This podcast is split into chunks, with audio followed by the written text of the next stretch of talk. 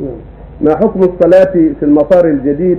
علما بأنه يبعد عن الرياض حوالي 53 كيلو متر 53 كيلو متر هل ركعتين أو أربع ركعات؟ لا أصلي صلاة مقيم من تبع الرياض من تبع من البلد. من تبع البلد وأعطاه البناء حوله.